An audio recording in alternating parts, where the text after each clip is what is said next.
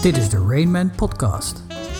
Bedrijfskundige Jan-Joost Kroon deed onderzoek naar de Italiaanse maffia en ontdekte dat de bedrijfsvoering van deze criminele organisatie ook lessen bevat over strategie, leiderschap, reputatiemanagement, samenwerking en transparantie, waar moderne organisaties echt iets van kunnen leren.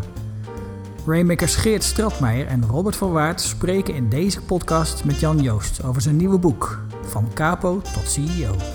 Veel luisterplezier. Goedemorgen, goedemiddag, goedenavond, wanneer je deze ook kijkt of luistert. Welkom bij weer een editie van de Rayman Podcast, Podcast, hoe je hem ook wilt noemen. Ehm, vandaag eh, weer met eh, Geert. Ciao. Hal- ciao. Ciao. Hola. Oh nee, dat is Spaans, hè? dat mag niet. Ja. En eh, met eh, Jan Joost. Ja, Welkom Jan Joost. dankjewel. eh. Ik, ik, ik, zal, ik zal je eerst even introduceren voor, voor de Dat kijkers en de luisteraars. En ik draai gelijk het boekje om, dat is heel mooi. Eh, Jan-Joost Kroon eh, heeft zich als bedrijfskundige, organisatieadviseur en spreker gespecialiseerd in de Italiaanse maffia. Hij kent als geen ander de zwarte kanten van deze criminele organisatie, maar schrijft en spreekt enthousiast over de sterke kanten van de bedrijfsvoering van de Italiaanse maffia. En dus de inzichten van de Italiaanse maffia. Van capo tot CEO. Daar gaan we het Ja. vandaag over hebben. Ja, hartstikke leuk. Ja, Welkom. dankjewel. Ja. Heren. Moeten we een beetje bang zijn dat je hier zit? Dat je al die, eh, alles daarvan kent? Of, Nou ja, het ligt eraan hoe eh, de podcast verder verloopt. Ja. Eh, nee hoor, helemaal niet. Daar kunnen we Nee, nog geen uitspraak nee, over Nee, Daar kunnen we nog even in het midden over laten. Ja. hoe, ben, hoe, ben je, hoe ben je ertoe gekomen om dit, eh, dit, dit zeer goed, eh, goed lopende boek... want je bent eh, managementboek nummer 1 op dit moment. Op dit moment, ja. Ja, dus dat, is- dat is hartstikke fijn. Ik Ja. moet heel eerlijk zeggen, eh, mijn fascinatie voor de maffia... Die, eh, die gaat al wat verder terug. Al, al zeker een eh, jaar of 20, 25... waarbij ik eigenlijk gewoon eh, werd door eh, Tony Montana in Scarface. Eh, die rol die vertolkt wordt door El Pacino, uiteraard. En toen begon dat genre bij mij een beetje te leven. En toen begon ik eh, te houden van El Pacino... die in eh, 1997 een film maakte, die heet Donnie Brasco... Waar hij met Johnny Depp de hoofdrol inspeelt. En toen ik die film had ge- gezien, toen dacht ik, wauw, wat is dit interessant. Dat wat wil is ik dit ook. boeiend. Nou, dit, Ja. dat niet eens per se. Het is, het is meer gewoon de fascinatie van de manier waarop die mensen met elkaar omgaan. Hoe ze eh, samenwerken, hoe ze eh, het wereldje op zichzelf gaat. eh, vol nepheid, maar ook vol vertrouwen in elkaar. Het- er zitten zoveel paradoxen in, in hun leven. Ja. Het boeide me. En ik ben vanaf dat moment eigenlijk alles gaan sparen wat er maar was. Toen nog videobanden. Ja. Later werden dat natuurlijk dvd's. En, eh, ja. Maar eh, alle, alle boeken die gaan over de maffia... die in het Nederlands en in het Engels eh, beschikbaar zijn. Ik denk dat ik het gros van al die boeken thuis in mijn boekenkast heb staan. Ja. Nu gelukkig met YouTube worden heel veel documentaires ook heel erg toegankelijk. Ook in het Italiaans, waardoor ik zeg maar mijn, mijn horizon qua, qua, qua kennis ook weer wat verder kan verbreden. En is het, is het gewoon iets voor mij waarvan ik dacht van ik vind het zo'n ontzettend interessante wereld. Ehm, ook wel heel dubbel. Hè? Je moet je voorstellen dat eh, je bent gefascineerd door een organisatie waar de, de meeste mensen toch van denken... eh, geweld, moord, Ja. doodslag. Ja. En dat vind ik heel interessant. Ja, dan voel je je ook wel een beetje apart. Ja. Ik heb me ook wel een tijdje een beetje geschaamd voor het feit dat ik daar zoveel interesse in had. Eh, maar naarmate ik ouder werd en ook wel door, door, door, door mijn werk, dat je dan dingen gaat zien en gaat vergelijken. Ja. Dat je dan op een gegeven moment denkt, ja, misschien dat het, het inzicht wat ik heb en die vergelijkingen die ik maak helemaal nog niet zo gek zijn. Nee. En eh, dat ga je dan toetsen bij wat Ja. mensen. Van wat denk jij? Zou dat wat zijn? Zou Ja. je dat interessant vinden? Ja. En als je dan alleen maar, ja, super cool, interessant, Ja. te gek, daar moet je wat mee gaan doen. Boek Dat je dan, eh, ga je dan maar eens eh, Ja. ja. naar buiten toe. En toen ben ik eh, begonnen met eerst wat geven van presentaties en met het maken van een podcastserie. En, eh, en daarna dacht ik ook van ja, maar nu wil ik door. Er zit zoveel in mijn hoofd, dat moet op het papier. Maar heel even, want al die, al die informatie, ik, ik, ik kan maar zo, dat is een aanname, maar je hebt geen veldonderzoek gedaan. Je bent Nee. niet zeg maar eh, een tijdje geïnfiltreerd bij of eh, heb- stage gelopen. Nee, ik, heb, ik heb heel weinig veldonderzoek kunnen Ja, doen. nee, ik, exact, eh, ja. nee, helaas, en dat wil ik ook niet eigenlijk hoor. Dus ik wil daar ook zo ver mogelijk vandaan blijven. Dus alle kennis en ervaring die ik heb, die heb ik alleen maar vanaf papier. En eh, vanaf de, de, de, de, de YouTubes en de dvd's en dat soort dingen. Om een Ja. beeld te krijgen. Ja. En je eigen interpretatie daar dan overheen te leggen. Van Ja. oké, hoe wat kunnen normale bedrijven dan leren van deze bizarre organisatie. Ja. Wat, wat, ja, ja. sche- Schets eens even, jij noemt het een organisatie. Ik zou het een, een, een malafide bende noemen. Ja, Maar, ja. maar ik, ik las ook even snel dat het een, business is van eh, 5 miljard of zo om en nabij. Ja, er wordt geschat dat er ongeveer eh, eh, de omzet van Audi, Nike en Ikea bij elkaar opgeteld... worden de drie grootste maffiabedrijven wordt dat, eh, jaarlijks opgehaald. Dus dat is ongeveer zo'n 150 miljard euro per jaar. Dus jij, en jij noemt het ook standaard maffia-bedrijven. Ja. Hè? Dus het, het- het- Ja.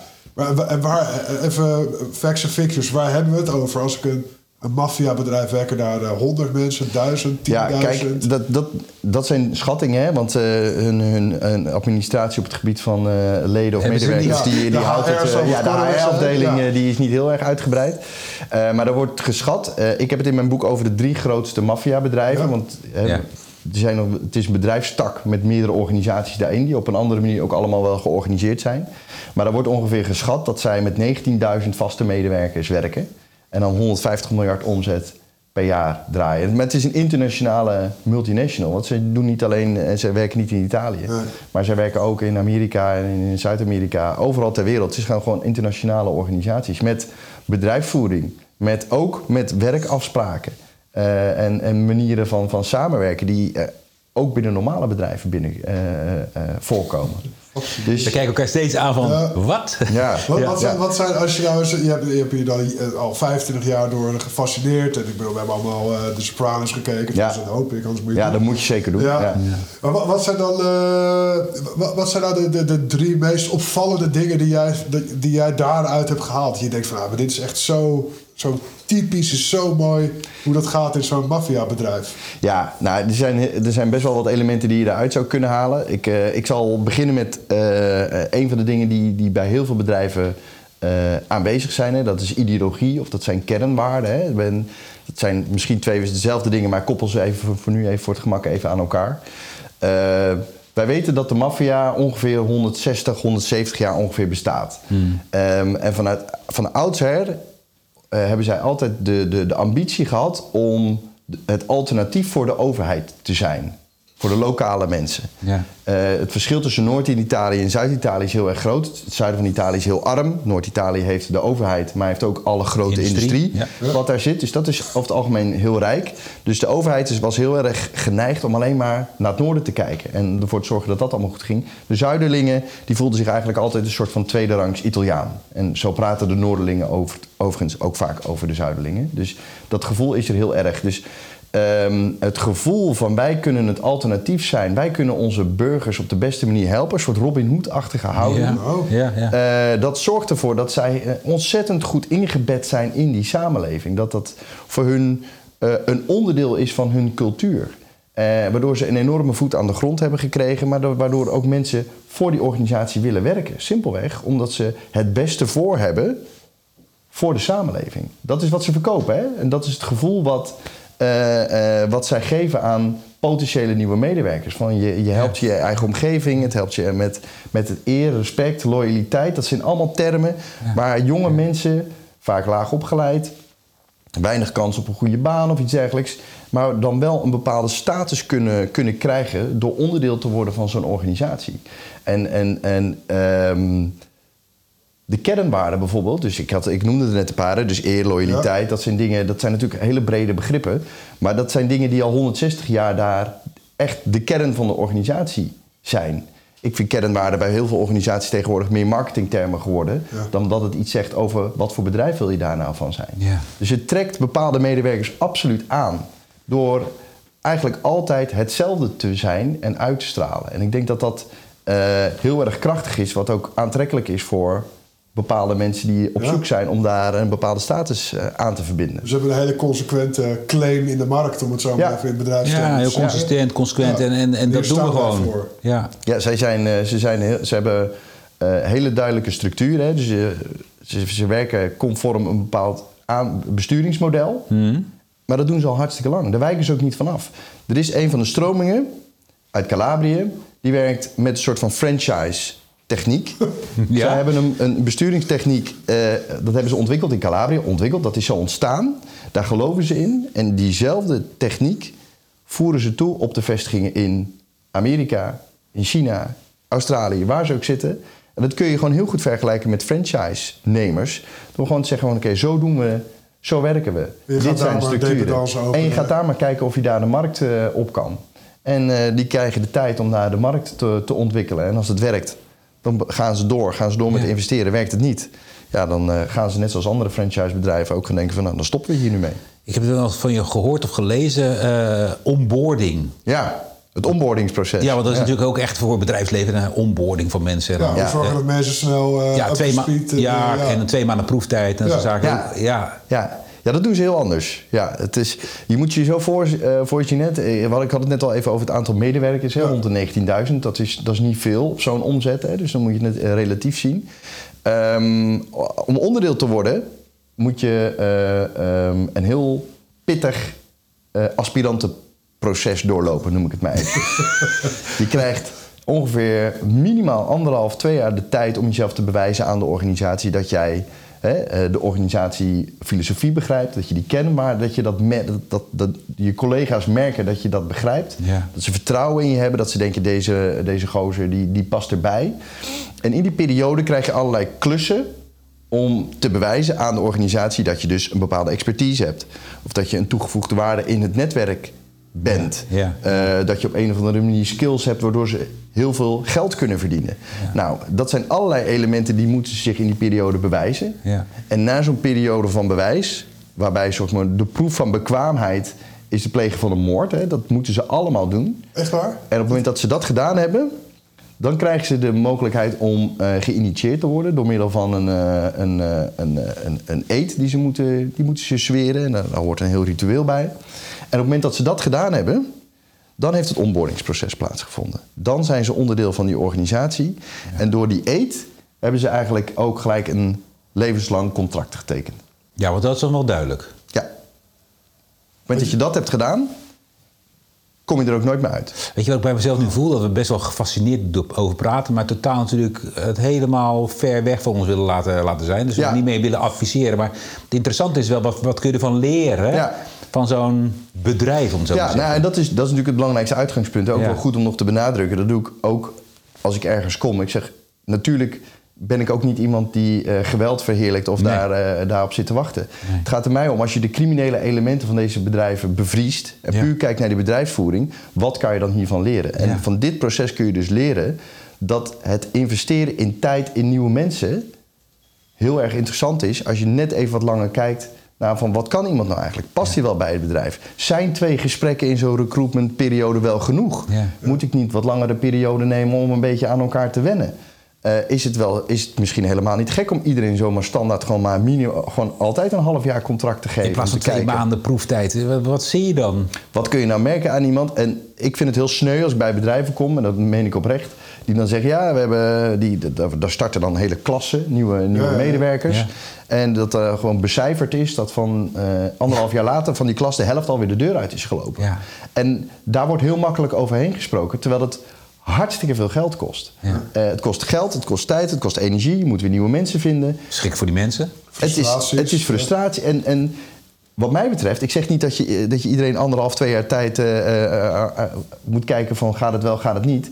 Maar ik daag bedrijven dan wel uit van, weet je, is jouw recruitmentproces nu wel intensief genoeg om te kijken van, heb ik nou de juiste mensen bij? Ja, en wat is jouw proeven van bekwaamheid in jouw Ja, organisatie? Doe je dat precies. dan? Ja, Ja, niet een dat soort van... dat is dan misschien een beetje... Ja, dat is maar- echt maar ik verschrikkelijk, zou, maar- dit- dit- Maar het gaat om zoek naar het alternatief. Wat moet iemand dan bewezen hebben om te zeggen van je past erbij? Ja. En, en, eh, dus, en ik schets het extreme voorbeeld. Hè. De maffia is wat mij betreft het meest extreme Ja, voorbeeld ja. over de bedrijfsvoering. Ja. En iemand zit hier, hier zit de maffia. Maar oké, maar waar kan je dan nog wel elementen in je eigen organisatie vinden waarvan je zegt, daar kan ik iets van leren? Ja. Dus eigenlijk zeg je, je zegt wel een paar mooie dingen. Dus eigenlijk zeg je van, eh, één is van het bedrijf, de maffia, en dat doen ze alle drie, eh, hebben eigenlijk al 150 plus jaar dezelfde kernwaarden die ze gewoon doorleven. En iedereen Ja. binnen het bedrijf doorleeft dat ook daadwerkelijk. Ja. Het tweede wat je zegt is, want in die hele onboarding zijn twee mooie dingen. Ten eerste heb je proeven van bekwaamheid uiteindelijk. Hè. Je hebt een lange tijd om te kijken, passen we wel goed bij Ja. elkaar. Maar daarna, als je erbij past, zit je er ook bij. Ja, voor eh, Ja. Dan is het in hun geval voor live. Ja. Eh, Kan je wat moeilijker uitstappen, maar wat het, wat het natuurlijk wel leert, is die, die, dat, die onvoorwaardelijkheid uitspreken van je bent nu onderdeel van onze familie, Ja. van ons bedrijf. En wij zorgen voor jou en jij Ja. zorgt voor ons. Ja, en ik ga het niet even voor twee jaartjes proberen. Nee, Nee. toch? Of uh, je Nee. flikkert er bij de eerste negatieve economie. eh, Plop. ben je Ja, weer weg. wil de uit. Nee. we zijn- nee, daar ben je er ook gewoon. Ja. En Wat, ik, ja, wat, wat zit daar nog meer in? Welke, Nou, één ding, dat is even, weet jij wel, een hele mooie opzomming. En eigenlijk wilde ik daar nog even aan- aanvullen. Dat ehm, je moet je voorstellen dat, dat dit soort organisaties eh, eh, met zulke omzetten, eh, partnerships, samenwerkingen aangaan, ook met leveranciers of met andere partners, maar ook met medewerkers, zonder dat er een contract getekend wordt. Hè? Dus het gaat puur op vertrouwen. 150 miljard op vertrouwen. Op vertrouwen. Er wordt geen contract getekend. Geen papiertje. Dus het, ge- nou ja, er is ongetwijfeld ergens wat zwerven, maar eh, Ja, niemand die zich eh, daar aan hoeft te eh. houden. Dus zeg, en de basis van die organisatie, dus de kurk waar dat op drijft, is dus blijkbaar vertrouwen. Is het vertrouwen of is het angst? Kan beide, hè? maar het is, het, is, het, is, het- het is vertrouwen in elkaar hebben dat je het met elkaar gaat doen, dat je het met elkaar gaat regelen. Eh, en op het moment dat je het niet doet of niet regelt, dan heeft het consequenties. En ik kan me voorstellen dat dat angstig kan zijn. Ja. Maar Dat is eigenlijk ook alweer gelijk een hele mooie. Want die zie ik heel vaak terug in bedrijven.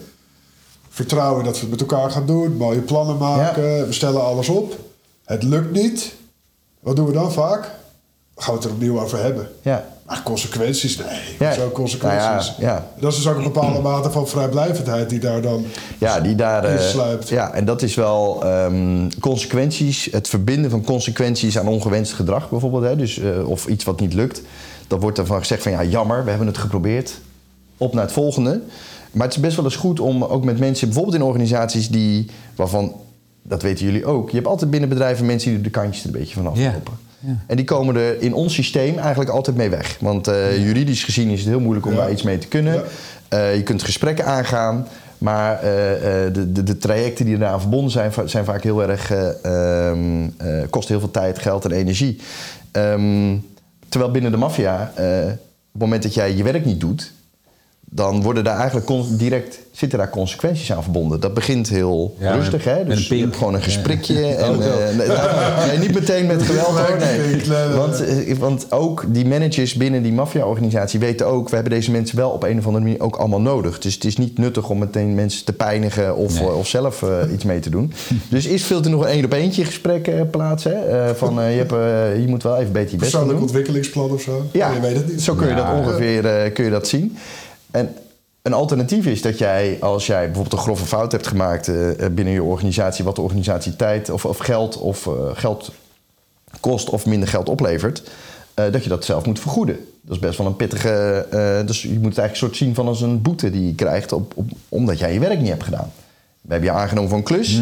Jij zegt dat je dat kan. Je levert niet. Dat is jouw probleem. Dat is best Ja. wel, dat is al wel heftig natuurlijk. Ja. Hè? Dus, en dan het, het derde alternatief wat zij hebben is, dat vind ik zelf altijd nog wel een mooi, wat, wat ik ook binnen bedrijven best wel krachtig zou vinden, is dat je als jij bij elkaar zit onder je gelijken, dat jij aan je collega's mag uitleggen waarom dat het niet gelukt is. En dat is binnen allemaal macho mannen met grote ego's is dat heel erg vervelend. Want Ja. maffia is allemaal mannen, hè? dus er zitten Ja. er zitten Ja. geen vrouwen bij. Maar, dus daarom zeg ik dat. Ehm, maar even de confrontatie aangaan. Ga maar eens uitleggen waarom dat jij je acties niet hebt uitgevoerd. Of waarom dat jij gewoon je, je deliverables niet hebt, eh, hebt Ja. opgeleverd. Hoezo? Waarom doe je dat niet? Ja, dat is bijzonder, hè? Dus met andere woorden, dat mag er zijn of dat moet er zelfs zijn. Ja, en ik vind, en, en de twee alternatieven die daarna komen, die hebben te maken met verbanning binnen de, binnen de maffia. Dat is natuurlijk extreem. En het laatste, dan moet je het heel bond hebben gemaakt. Eh, dan volgt een heel kort exitgesprek. Hè. Dan, eh, dan is het gewoon eh, klaar. Ehm, dus die zou ik sowieso nooit adviseren. Maar het gaat even om het feit dat binnen organisaties het verbinden van consequenties aan, aan die mensen die eigenlijk een beetje de kan- kantjes ervan aflopen. eigenlijk niet tot nauwelijks aanwezig zijn. Ah, dat is wel grappig, hè? Want dus in een organisatie heb je het heel vaak nu... dat is eigenlijk een soort van gemeengoed. Eh variabele beloning, vast deel en variabel deel. En het variabel deel is altijd een bonus. kan altijd meer worden. Ja, Kan nooit minder worden. Nee. En dat is, dat is natuurlijk echt wel iets bizars. Ja. Dat, dat, je, dat je systemen hebt ingericht waarbij je alleen maar beloond wordt op het moment dat jij je werk niet doet. Eh, Ik ben er eigenlijk wel voor dat, dat met name in, in, in de grote boards, hè, dus waar de, de, de directeuren hele hoge sommen eh, geld kunnen krijgen als bonus, dat als ze het niet halen, dat ze een gedeelte aan de organisatie moeten betalen omdat Ja. ze hun werk gewoon niet En gaan niet, en niet dat je niet je bonus krijgt. Nee. Nee, maar dat je een deel... Dat Nee, je dan moet je ook dat iets- salaris moet inleveren. Bijvoorbeeld. ja, dat of, je- of, of, of een andere vorm van... eh, Dat je iets terug doet. Want jij hebt blijkbaar je, je, je target niet Je hebt gehaald. gezegd, ik doe het. Ja, en je, je levert het niet. Nee. Ja, en, en dan denk ik wel eens van ja, weet je, bonus malus. Ik vind het in dat soort trajecten. Want zijn eh, in- perversiteit is, ligt om de hoek hè, bij een bonus binnenhalen. Zeker als het om hele grote bedragen gaat. Ja. Ja, dan is iemand wel eens geneigd om een beetje buiten de lijntjes te kleuren. Ja. Om te denken van, nou ja, dan haal ik wel mijn bonus. Maar de vraag is even, als iemand een, een sales traject heeft, alle, eh, de portefeuille zit vol. Ik heb een bonus binnen, maar hoe goed zijn de projecten die in die portefeuille dan allemaal zitten? Daar kom je later pas achter. Ja. En dan is het echt niet meer dat die salesdirecteur zijn bonus moet terugbetalen Nee. als ze erachter Nee. komen dat er allemaal bagger in zit. nee. Hey, en in zo'n in zo'n- oh, ik mag niet zo zitten. In zo'n mega-organisatie is dit, hè? 19.000 man wereldwijd. Eh, ik heb vaak in bedrijven waar ik kom, waar 200 man werkt, dat er altijd, het is altijd één issue. In elk bedrijf, dat is de communicatie. Ja. Hoe fixen zij dat? In, in, Ja. in, in, Dat is niet openlijk. Nee. Nee, kan maar vrij, vrij directief, denk ik. Maar dat- je zo, moet ook ja. maar overal je, je boodschap helder maken. Jongens, we gaan nu links of rechts. Hoe, Ja. hoe- heb je daar iets over kunnen vinden? Ja, zeker. Nou ja, eh, eh, ze communiceren dus heel beperkt. Hè. Als zij communiceren is het altijd bijna één op één. Dus het is eh, zo min mogelijk vergaderen. Want uh, dan loop je ook het gevaar mogelijk dat je opgepakt wordt met z'n allen. hè. Dus het bedrijfsrisico om bij elkaar te gaan zitten is heel erg groot. Dus, dus wacht even. Ze- Dus ze creëren met 19.000 mensen 150 miljard, zeg je, met de drie grote in Italië, zonder te vergaderen. Dat is minimaal te vergaderen. Ah. Ja. De grootste van de drie, daar is van bekend dat zij één keer per jaar bij elkaar komen. En die organisatie, de Ndrangheta, dat, die is goed voor zo'n 80, 90 miljard per jaar. En de top van die organisatie komt één tot twee keer per jaar bij elkaar. En dat duurt misschien een, een aantal uur. En dan worden de grootste issues van de organisatie worden daar besproken. Eh, daar wordt alleen maar gesproken door de mensen die ook waar het over gaat. Hè. Dus als jij, eh, je gaat je niet bemoeien met het territorium van een ander. Je gaat je niet eh, bemoeien met de franchise van een ander. Als het niet over jou gaat, hou je mond dicht. Er is ook niet echt een baas, maar er is daar wel een soort voorzitter die dan suggesties doet wat je het beste zou kunnen gaan doen. En als er issues zijn tussen verschillende eh, vestigingen, dan worden die daar besproken. Daar wordt een uitspraak gedaan en iedereen moet zich daar ook aan houden. Fascinerend. Ja, hè? ja. En een, een ander schitterend voorbeeld, eh, een van mijn inspiratiebronnen eh, over CEO's binnen de Italiaanse maffia is Bernardo Provenzano. Dat is een Siciliaanse maffiabaas. Die ehm, was verantwoordelijk voor zo'n 3000 medewerkers eh, toen hij eh, verantwoordelijk was. 30 miljard eh, per jaar geschat. En hij stuurde zijn organisatie aan door middel van pizzini's. En pizzini's, dat zijn kleine getypte briefjes die hij op zijn Olivetti typemachine tikte Olivetti type. in zijn hutje, een schaapshut, waar hij waar die veel verbleef. En hij bestuurde zijn organisatie op die manier. Dus hij typte die briefjes, die vouwde die op, die, die, die naaide die aan de binnenkant van broekspijpen, deed hij in een zak, zette die buiten de deur waar hij op dat moment verbleef. Die werd door een koerier opgehaald en die distribueerde de broeken naar de juiste personen. En daar stond dan een boodschap in, een vraag of een opdracht richting die persoon. Hij zag niemand. En toch ging alles goed. En toch deed hij, had hij de gelegenheid om enorm te groeien. En, ehm, Wat kun je daarvan leren dan, om zo te zeggen? Gewoon nou, ik denk dat, dat dus ehm, eh, de- hoe expliciet en hoe duidelijk je moet zijn om je boodschap te frommelen in een briefje. Ja. En je geen mailtrail erachteraan krijgt met vragen, replies, et cetera. Nee. Dat gaat niet.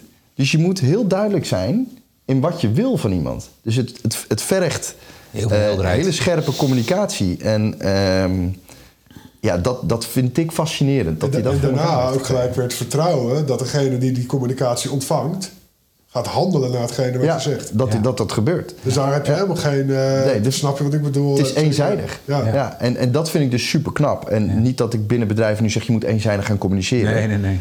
Maar het, het gaat wel even over de helderheid waarmee je soms je boodschap Dus kunt waar je net verpakken. over had, eh, als je links en rechts hebt, wat kunnen we wel van dat. Ja, eh, we hoeven niet eenzijdig te communiceren. Eh, soms, eh, eh, weet je, in elk verandertraject wat wij begeleiden, je kan het nooit goed doen met de communicatie. Nee. Het is of te veel of te weinig, weet ik veel wat. ja. Ja, weet je, af en toe, eh, dus eh, iets wel eenzijdiger kan ook gewoon heel veel helderheid brengen. ja. Het is heel Ja. consistent. hè? Gewoon Ja. cut the crap. Ja. Ja. Als, je, ehm, als je nou de gelegenheid zou krijgen, eh, en ik weet helemaal niet of je dat zou willen, maar je zou een keertje een één op één met zo'n persoon kunnen hebben.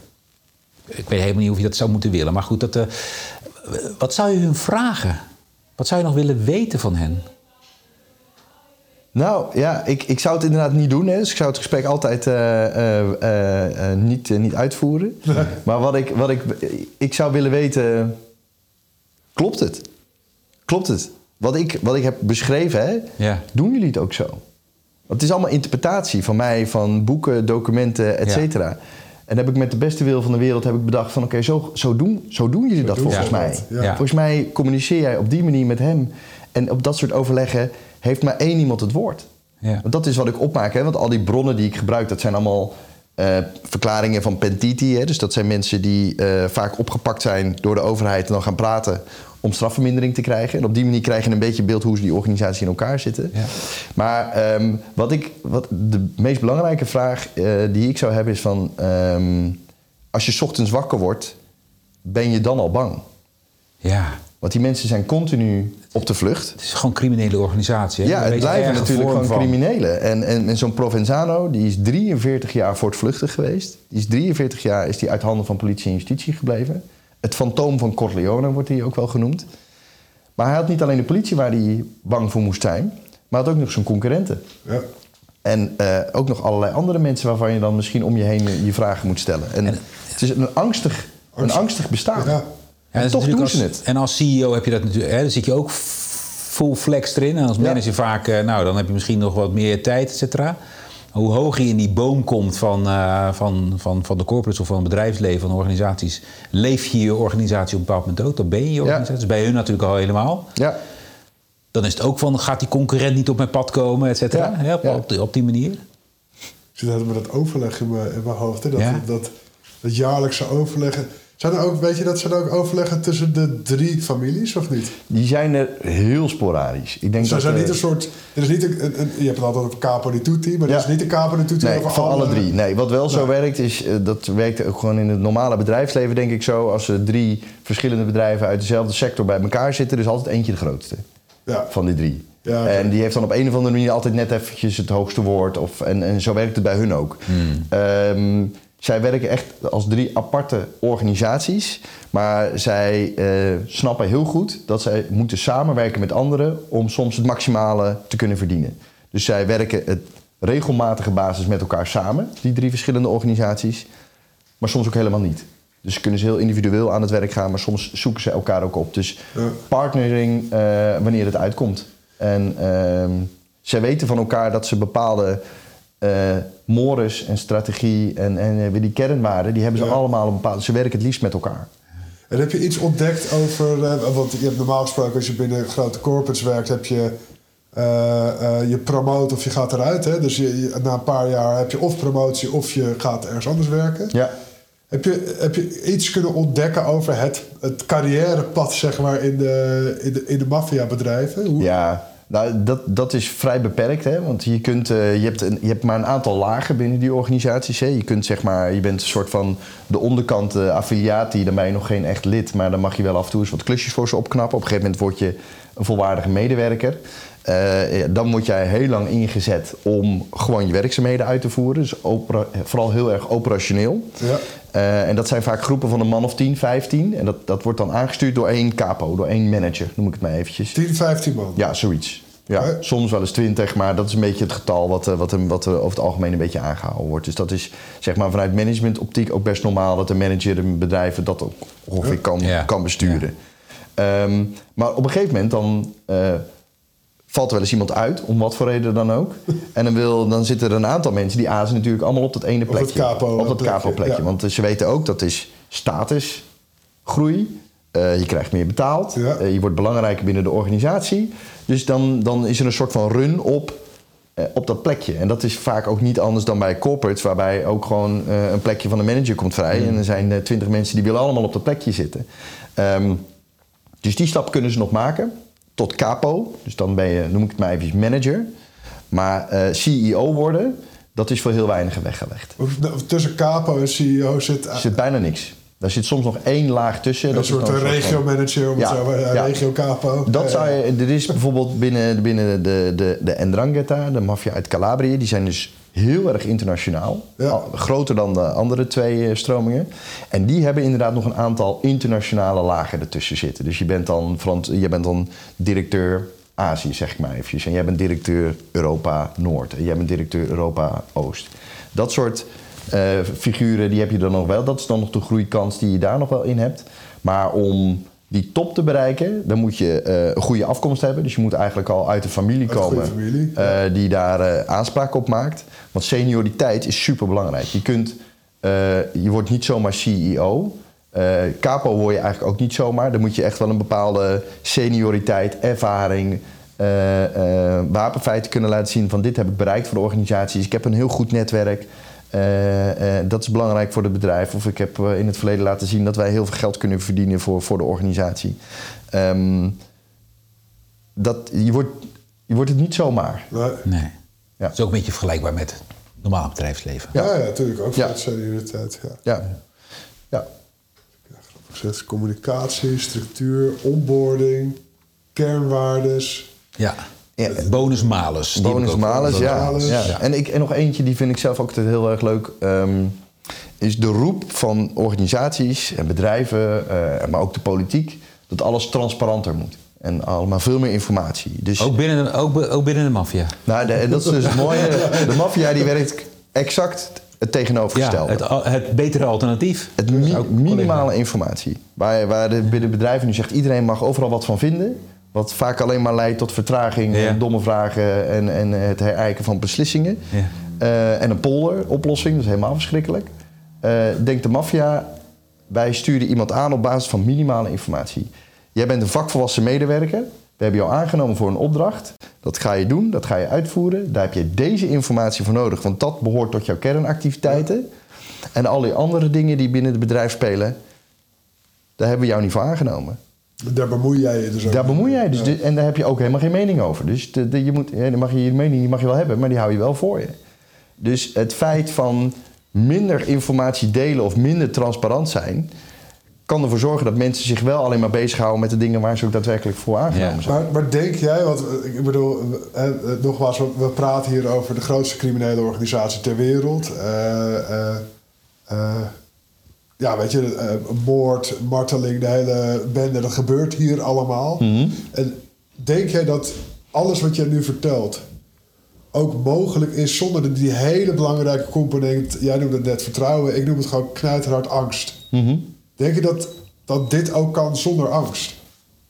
Want Ja, zeker. Ik Ja, ben, want- ja, daar ben ik- ik echt van overtuigd. Ik, ik neem je aan, je hebt dit te doen en voor de rest heb je je niet te bemoeien. Ja. Want anders, punt, komma, die noemen we het ook niet.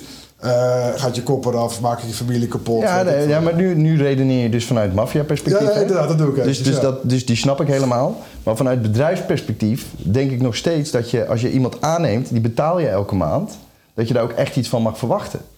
En als iemand dat niet levert, Ja. dat het simpelweg Ja, ook wel een soort van consequentie kan hebben. Ik vind dat helemaal niet vreemd. Ik vind het raar dat mensen dan met bepaalde dingen ineens wel wegkomen. Of dat we dan zeggen, nou goed geprobeerd, volgende keer beter. Dat mag, hè. Ik zeg niet dat we een heel streng regime moeten doorvoeren. Het gaat mij weer om dat extreme voorbeeld. Ja, ja, ik vind wel dat je, dat je daar zeker in kan gaan nadenken van hoe doen wij dat eigenlijk? Ja, dus het component wat bij hun eh, angst is dan, zou bij ons het, con- het, component consequentie Ja, kunnen ik zou, heten. ik zou dat. En, en, en het gebrek aan doorvoeren en consequenties binnen organisaties.